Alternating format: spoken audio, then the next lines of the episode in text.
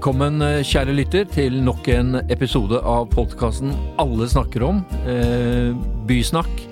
Eh, det, vi får stadig flere tilbakemeldinger fra dere om at eh, dagen ikke er helt den samme uten en ny episode av eh, Bysnakk.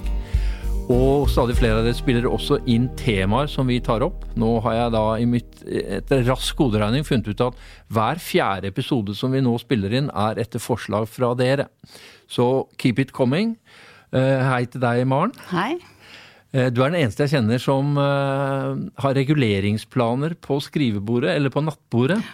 Mange som har det på skrivebordet, men ikke så vanlig på nattbordet. Det er helt korrekt, på nattbordet. Ja. Altså Mannen din etter hvert så blir han antageligvis litt lei av det, men Ja, han blir veldig god på planprosess. Så det går motsatt vei? Høytløsning på senga. Kommuneplan. Men det interessante nå er jo at stadig flere der ute har faktisk lyst til å bli en kommuneplan-nerd. Du har liksom satt en skole, at alle vil bli en byutviklingsnerd. Men hva vil nerden i dag da, at vi skal snakke om? I dag så skal vi snakke om et område i byen eh, hvor det er uh, vært ambisjoner lenge om en utvikling, nemlig Furuset. Og det er områdeløft Furuset. Det har jo vært del av Groruddalssatsingen lenge. Og det har vært fokus på bærekraftig utvikling, medvirkning, fortetting og nabolagsutvikling. Og det vi skal se på er hva har skjedd? Har det skjedd noe? Hvem er aktørene, og hva er utfordringene på Furuset? Det høres jo perfekt ut. Nå har vi vært eh, på Røa, som eh, et sted ikke mange i Oslo er, som da har eh, begått en uh, transformasjon, særlig av Røa Torg. Vi har vært på Skullerud, som snart skal sette i gang. Og da er det vel veldig naturlig at vi går nord ja. i Oslo, til Furuset. For å diskutere da om byen endelig har kommet da til Groruddalen og Furuset, så har vi to prominente gjester. Det er Hilde Vatne, som er sjefen for JM Norge, og Arne Bergskar, enhetsleder for Groruddalen. Eh, og starte med deg, eh, Arne. For det er jo slik eh, Jeg husker byrådsleder Raymond Johansen var nede på en svær eiendomsmesse i Mippi Mikan. Og så snakket han til eiendomsutviklerne i Oslo og sa han Når er det dere skal gå løs på Groruddalen? Og så snakket han om alle kvalitetene til Groruddalen. Og så har jo da tonen vært at eh, det er altfor dyrt med den kvaliteten du skal legge til grunn, slik at markedet i Groruddalen ikke da gjør at du tjener penger. Og da er det kommunen som har da tatt førersetet, og det er da hovedgrunnen til at det ikke har skjedd noe på ti år. Um, det siste der tror jeg må si, det er det i hvert fall ikke.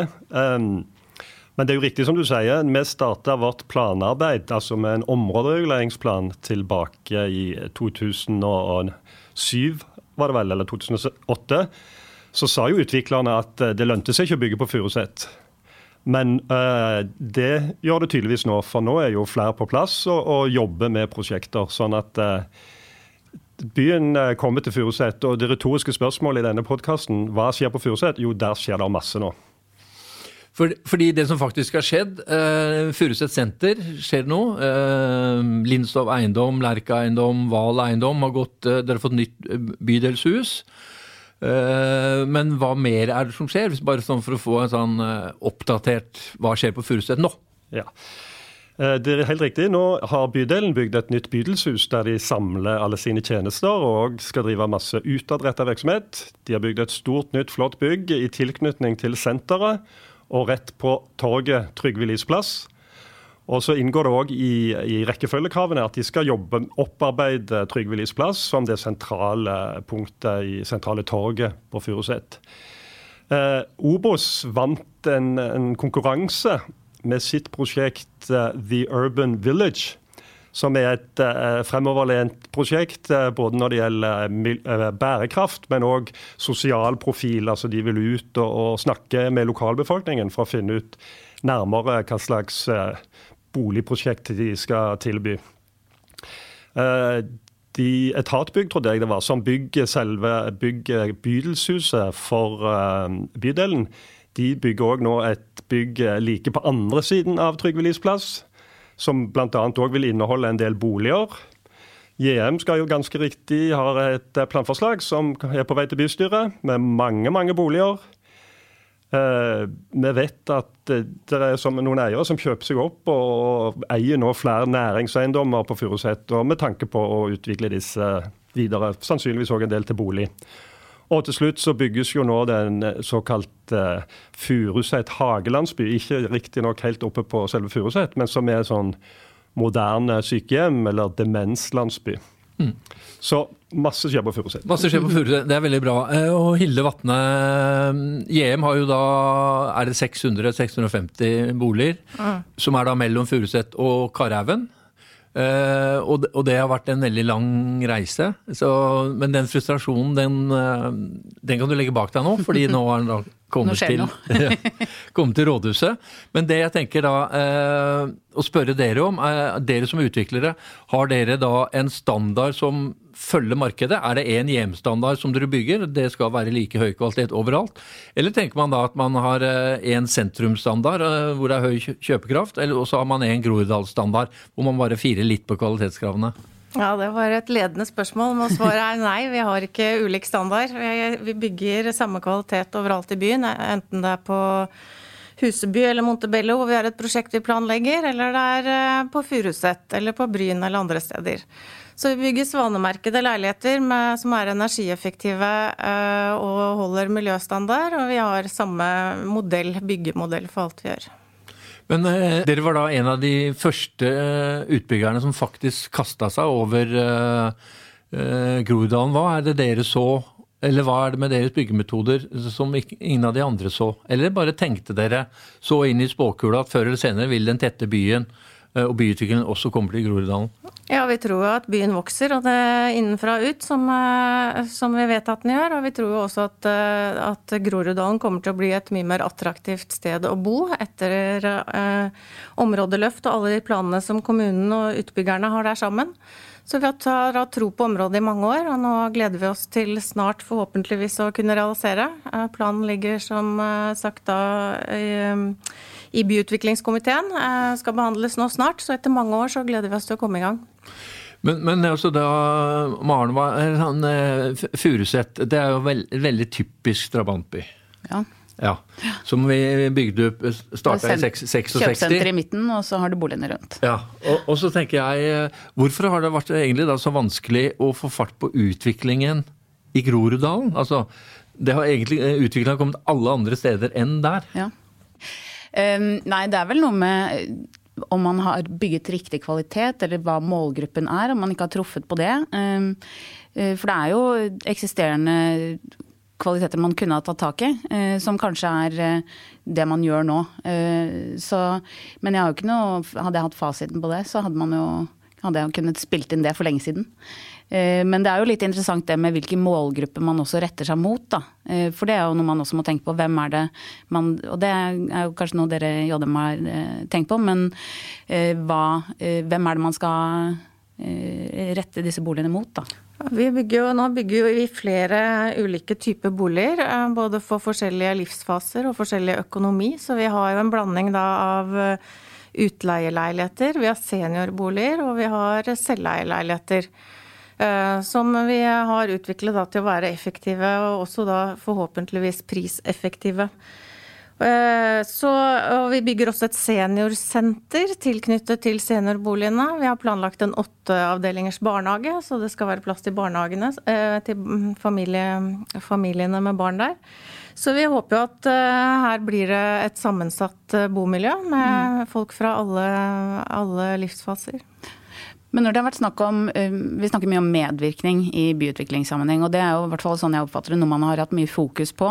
Eh, som vi var inne på innledningsvis også med bydelshus og involvering. Hvordan har det, eh, eller har det påvirket de grepene man tar nå? Ja, Nå har jo kommunen vært veldig flink til medvirkning på Furuset. For å ha sagt det, så var det jo veldig mye før områdeplanen. Men vi hadde jo en, en, liten runde med politikerne der oppe nå, og da fikk vi noen synspunkter fra Nordre Gran borettslag, som er nærmeste nabo med mange hundre leiligheter. Og der fikk vi en god attest. Så de sa jo at uh, De har blitt inkludert og informert gjennom hele prosessen, og sånn sett er fornøyd. Og vi har heller ingen private naboklager der oppe. De klagene og innsigelsen som har kommet der fra det offentlige. Så tenker, der føler jeg at vi har bygget videre på det kommunen har gjort. Mm. Men det kommunen har gjort, da tenker jeg også ikke bare på å få klager, men utformingen av prosjektet. Og hva man tenker også på bakkeplan og tilbud i bydelen. For jeg tenker det er jo en viktig del av det å gjøre det til et attraktivt område. Det er jo ikke bare antall boliger man bygger. Nei, helt riktig. Og utgangspunktet for når vi starta planarbeidet på Furuset, var bl.a. det var en del interesse og litt prosjekter på gang. Eh, vi så at her det, var det ganske mye lavt utnytta arealer, parkeringsplasser osv. Tett på en T-bane. Altså her kunne en bygge bærekraftig.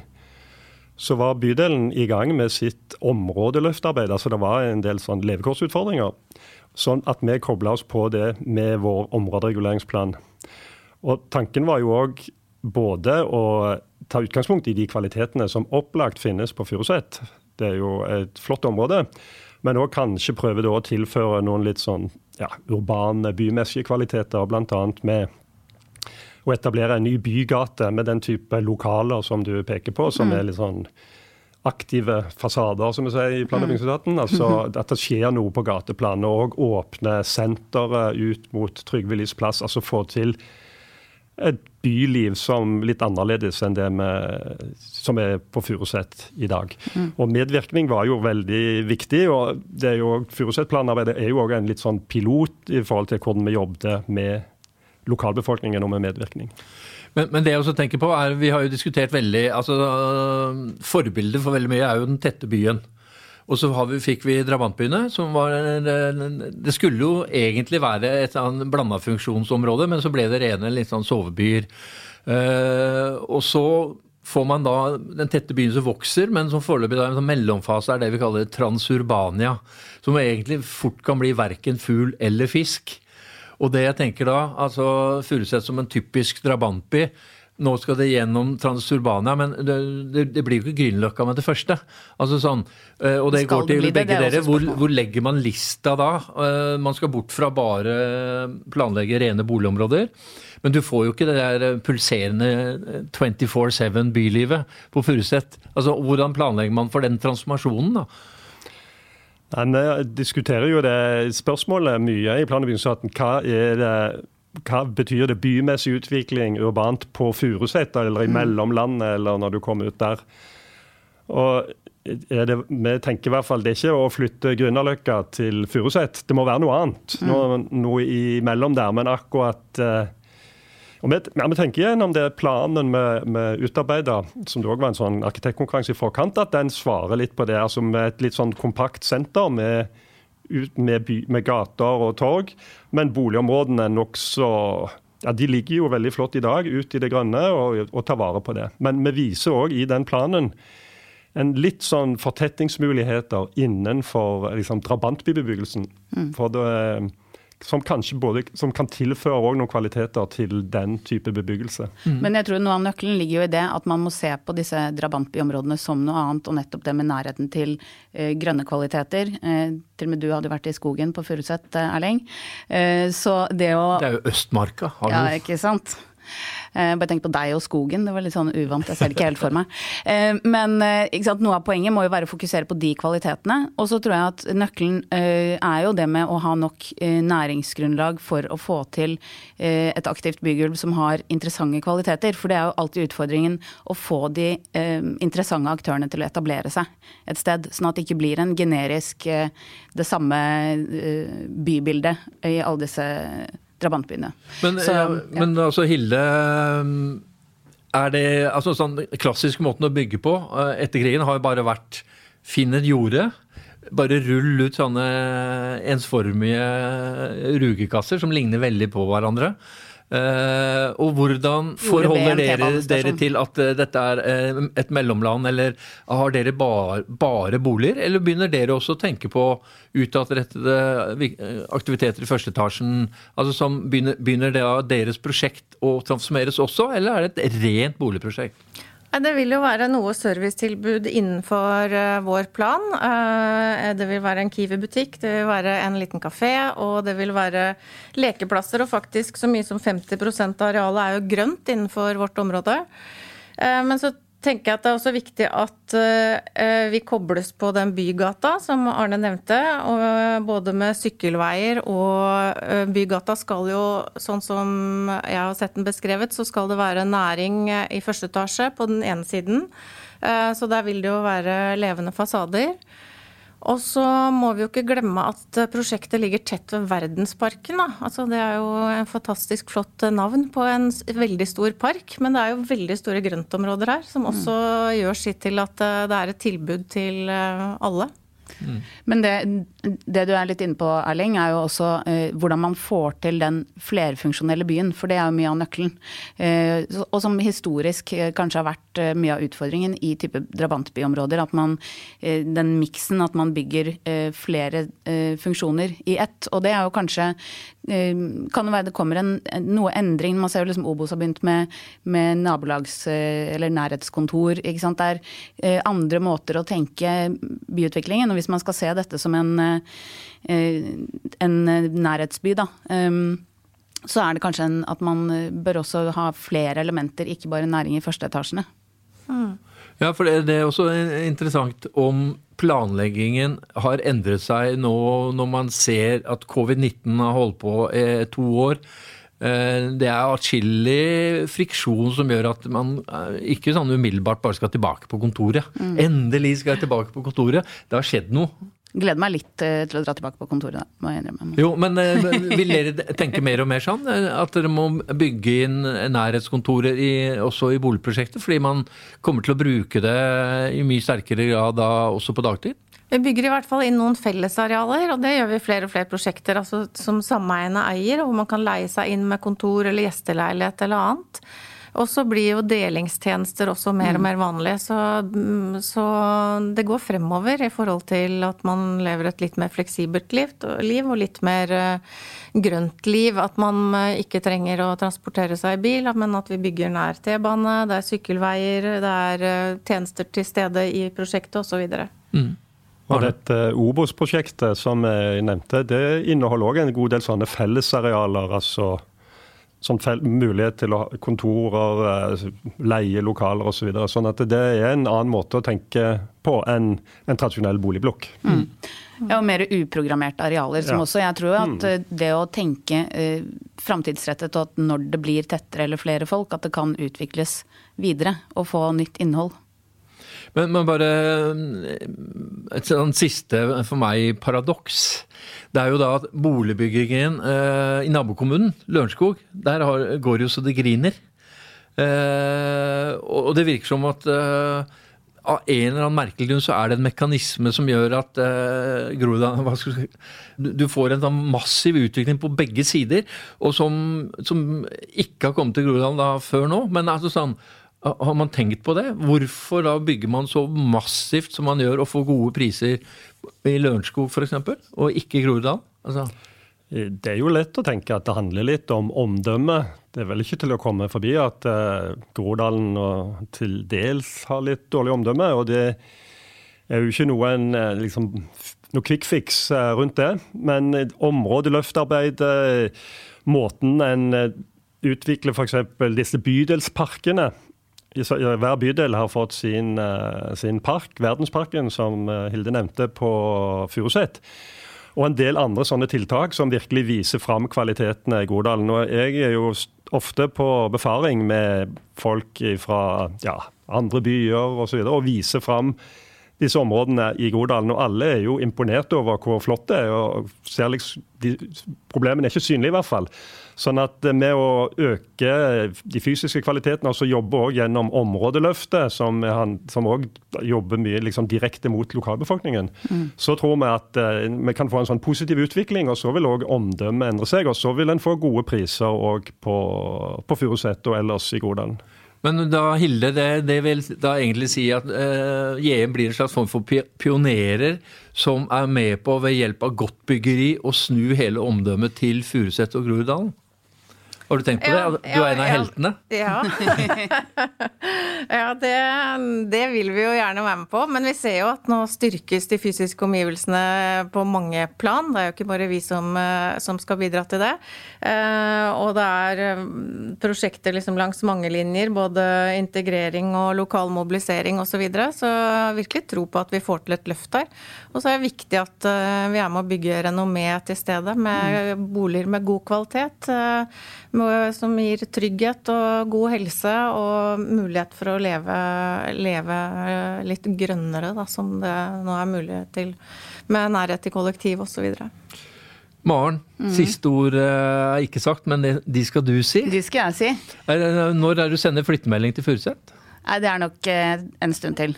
Trives godt på Adamstuen. Du kan kanskje bevege deg østover fra Montebello. Nei, jeg skal ned i vannkunsten, ja. Oh, du skal det, ja. Når jeg blir voksen. Ja, men det, ja. Anyways. Um, nei, det er, jo, uh, det er jo en prosess. Det blir jo spennende å se da, som, uh, hvordan Furuset uh, blir. og jeg tror at, som vi har vært inne på, så er jo i hvert fall min mening at det krever flerfunksjonalitet. Det krever å bygge et omdømme ved å jobbe med de som bor der, og etablere et nabolag som har en, en positiv virkning på, på andre. Eh, så vi tror vel at eh, byen kommer til Furuset også.